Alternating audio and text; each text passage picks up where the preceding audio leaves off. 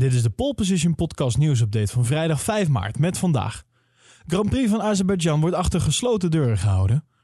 Netflix lanceert trailer nieuwe seizoen Drive to Survive. Williams toont auto voor komend seizoen met een opvallende livery. Portimao terug op de kalender voor 2021. En Jean Todt die waarschuwt Nikita Mazepin.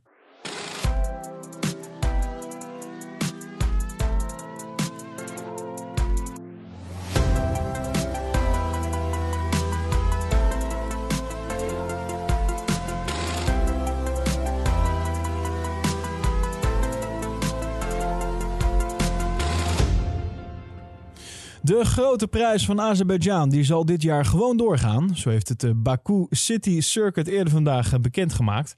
Helaas zullen er dit jaar geen fans aanwezig zijn op het uh, stratencircuit. De Grand Prix van Azerbeidzjan die was vorig jaar een van de tien races die in 2020 volledig van de kalender verdween. tot grote teleurstelling uiteraard van vele fans en coureurs.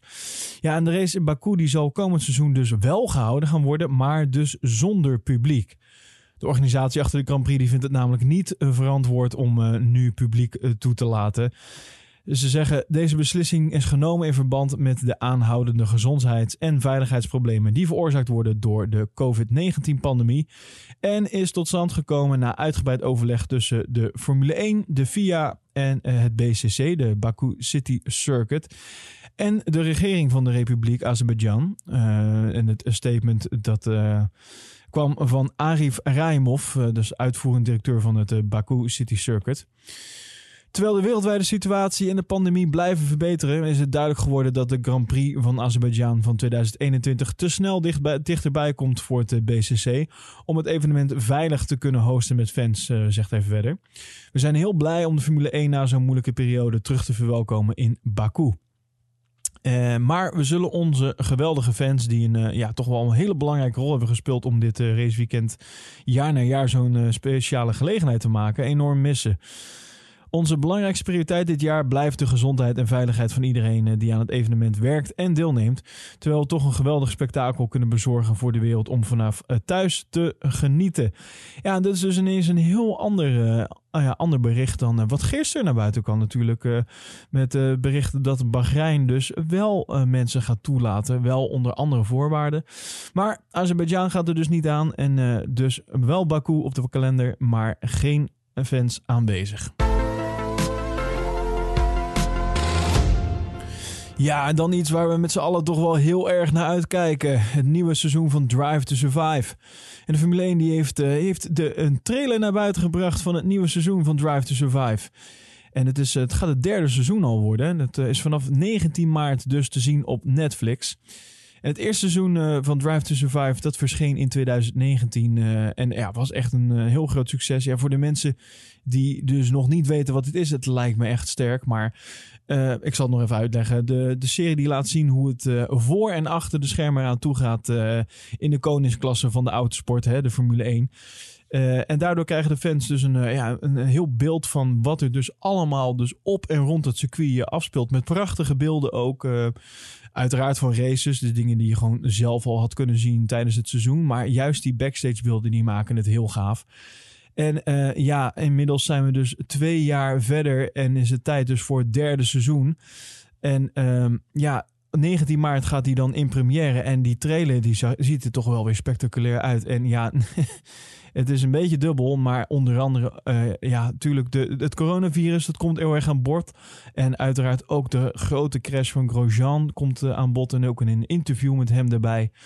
Het zijn niet de leuke dingen die per se, maar, gelukkig zitten er ook wel genoeg grappige dingen in. Onder andere een uh, Gunther Steiner. Dat is toch een beetje de held geworden van, uh, van, deze, uh, van deze serie. En hij had alweer een aantal mooie quotes die in de trailer zaten. Kortom, ja, we zitten met z'n allen al te wachten. Wil je die trailer nou zien? Kijk dan even in de show notes. Daar heb ik een linkje staan. En ja, nog even volhouden met z'n allen. 19 maart, dan is hij dus eindelijk te zien op Netflix. Gaan we door naar Williams, want die heeft uh, de auto voor het Formule 1 seizoen 2021 voorgesteld. De FW43B. En uh, ja, wat valt op? Uh, de livery, die is echt heel bijzonder. Ehm, maar, eh, je hoorde het al eerder in deze podcast, de onthulling die zou eigenlijk gaan door middel van een eh, app. Die kon je dan downloaden en dan kon je dus de auto midden in je woonkamer, kon je door middel van augmented reality, kon je hem gewoon midden in je woonkamer neerzetten. Of een kleiner formaat bijvoorbeeld op je tafel. Dan kon je op die manier kon je naar de auto kijken. Maar een uur voor het uh, moment suprême werd bekend dat de app was gehackt. Waardoor het hele feest niet door kon gaan. En er kwam ook een statement over naar buiten. Ze zeiden, uh, ja, we waren van plan om de FW43B later vandaag in een augmented reality app te onthullen. Helaas is dit niet langer mogelijk omdat de app voor de launch is gehackt. En verder lieten ze weten dat de app ook is teruggetrokken uit de Apple Store en de Google Play Store. We keken er erg naar uit om uh, deze ervaring met onze fans te delen. En uh, we kunnen alleen maar onze excuses aanbieden voor het feit dat dit dus niet mogelijk was. Nou, in plaats van de, de FV43B dus uh, via augmented reality op je, op je keukentafel te zien... Er werden er gewoon afbeeldingen van de auto vrijgegeven. En uh, de wagen die heeft, uh, ja, zoals gezegd, dus best wel een andere livery gekregen. De voorzijde van de auto die is ja, vooral wit. En de achterkant die is ja, donkerblauw met lichtblauwe strepen. Die een soort van ja, diagonaal over de motorkap lopen. Nou, naar eigen zeggen is de nieuwe livery geïnspireerd op hoe de Williams auto's in de jaren 80 en 90 uitzagen. Toen het team ja, nog bijzonder succesvol was in de Formule 1. Ja, en ik ben heel benieuwd wat jij nou van die livery vindt. Laat het even weten in ons Slack-kanaal of via ons Instagram-account, ApplePositionNL. En het Slack-kanaal, daar, daar kom je in via de show notes. En ja, laat dus even weten wat je ervan vindt. Ik moet eerlijk zeggen, ik vind hem eigenlijk best wel heel gaaf.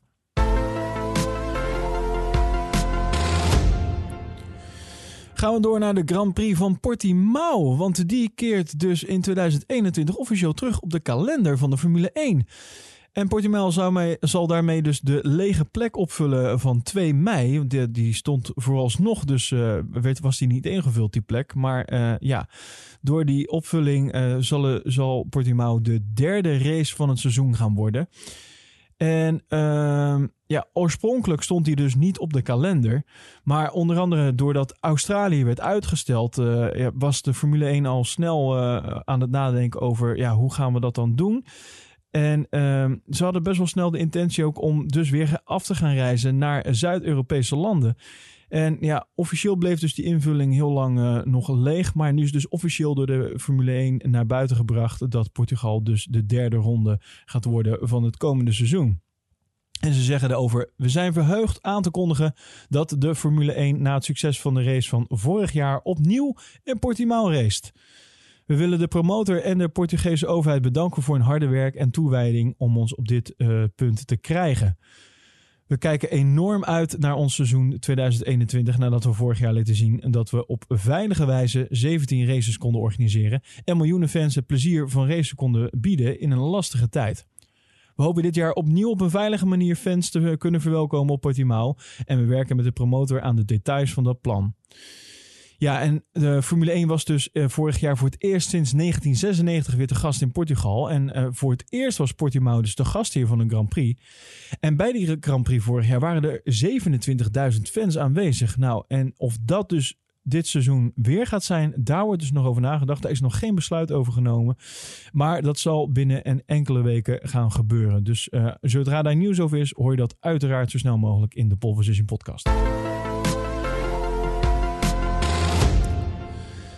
En FIA-voorzitter Jean Todt die is niet blij met de acties van Nikita Mazepin. Volgens uh, Jean Todt heeft uh, de Haas-debutant uh, het recht om in de Formule 1 te rijden omdat hij zijn superlicentie heeft behaald. Maar zullen er aan de volgende uitglijders serieuze gevolgen hangen.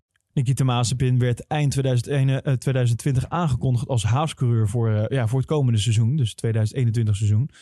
Maar hij hield al heel snel de woede van heel veel Formule 1-fans op de hals. Nadat hij zelf een video op zijn Instagram had geplaatst. Waarop te zien was hoe hij een, uh, ja, ja, het leek er toch wel op een beschonken vrouw. Of ja, beschonken meisje. Op de achterbank in een auto. Ja, bij de borst betasten. En dat leidde tot ja, heel veel kritiek vanuit de Formule 1 community. En onder de hashtag We Say No to Mazepin ja, werd er best wel hevige campagne gevoerd om, uh, om Mazepin toch wel te weren uit de Formule 1. Haas die noemde de video weerzinwekkend. En uh, Mazepin uh, die ja, bood niet heel veel laten zijn excuses aan. De Formule 1 en de FIA die ondernamen zelf verder geen stappen daarop en legden daarmee de verantwoordelijkheid eigenlijk bij het team van Haas zelf. Nou, de Amerikaanse renstal die bracht vervolgens een statement naar buiten waarin werd verteld dat de kwestie intern was afgehandeld. Nou, we weten nog steeds niet wat daar dus mee is gebeurd. Nou, voor veel fans was dat niet genoeg. Onder vrijwel iedere Mazepin gerelateerde post van Haas worden echt nog steeds uh, heel veel negatieve reacties geplaatst. Ja, en de 21-jarige Rust heeft inmiddels uh, zelf ook gereageerd op uh, dit voorval. Hij heeft gezegd: de overstap maken naar de Formule 1 en uh, een Formule 1-coureur worden betekent dat je ineens een voorbeeld wordt voor vele jonge kinderen die naar hetzelfde kampioenschap streven. En, ja, daardoor moet je dus op een bepaalde manier gaan gedragen. Ik heb dat niet meteen gedaan, omdat ik me helaas, omdat ik me dat te, helaas te laat realiseerde. Ja, ik vind het eigenlijk een beetje een, uh, een, een zwak statement, want volgens mij moet je gewoon ongeacht of je nou wel of geen Formule 1 coureur bent, moet je gewoon begrijpen dat dit gewoon echt niet kan. En wie dit zeker ook niet vindt kunnen is uh, via voorzitter Jean Tot. Hij zegt, om in de Formule 1 te rijden heb je een superlicentie nodig. Daar moet je 40 punten voor verdienen en dat is zwaar. Mazepin heeft die punten verdiend en hij uh, mag dus uh, in de koningsklasse rijden. Maar om eerlijk te zijn ben ik niet blij met zijn acties, met de hele situatie. Hij heeft dan ook de waarschuwing gehad dat er serieuze gevolgen gaan zijn als het nog een keer gebeurt. En uh, ja, ik ben ook wel benieuwd wat jullie ervan denken. Uh, gaat, uh, hoe gaat Ma Mazepin het doen? Gaat hij toch zijn tegendeel bewijzen? Gaat hij laten zien dat hij goed kan rijden? En gaan we het daarmee vergeten? Of is dit toch wel een ja, een flinke smet nu al op zijn carrière. En kan het zomaar zijn dat we hem al binnen één of twee jaar niet meer terug gaan zien. Ik ben heel benieuwd ook naar jullie gedachten hierover. Laat het zeker ook even weten in ons Slack-kanaal of via ons Instagram-account. En voor meer nieuws en feitjes ga ons Instagram-account dus, @polepositionnl. Vergeet je niet te abonneren op deze podcast via jouw favoriete podcast-app om op de hoogte te blijven van het laatste nieuws over de Formule 1. En vind je deze updates nou leuk en wil je ons financieel steunen? Dat, uh, dat kan via petje.af slash poleposition.